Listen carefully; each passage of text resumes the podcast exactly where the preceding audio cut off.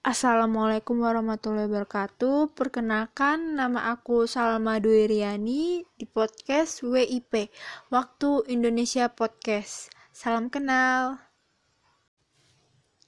Assalamualaikum warahmatullahi wabarakatuh. Ketemu lagi bersama aku Salma Duiriani di podcast WIP, Waktu Indonesia Podcast.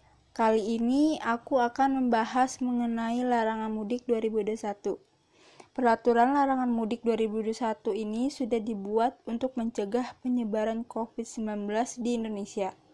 Aturan ini sudah dimuat dalam surat edaran atau SE Satuan Tugas Penanganan COVID-19 nomor 13 tahun 2021 tentang peniadaan mudik Hari Raya Idul Fitri tahun 1442 Hijriah dan upaya pengendalian penyebaran COVID-19 selama bulan suci Ramadan 1442 Hijriah.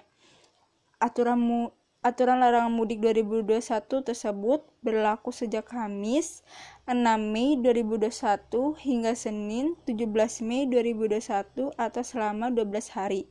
Larangan mudik 2021 ini berlaku untuk masyarakat yang hendak berperjalanan antar kota atau kabupaten provinsi, ataupun antar negara, baik melalui transportasi darat, kereta api, laut, maupun udara.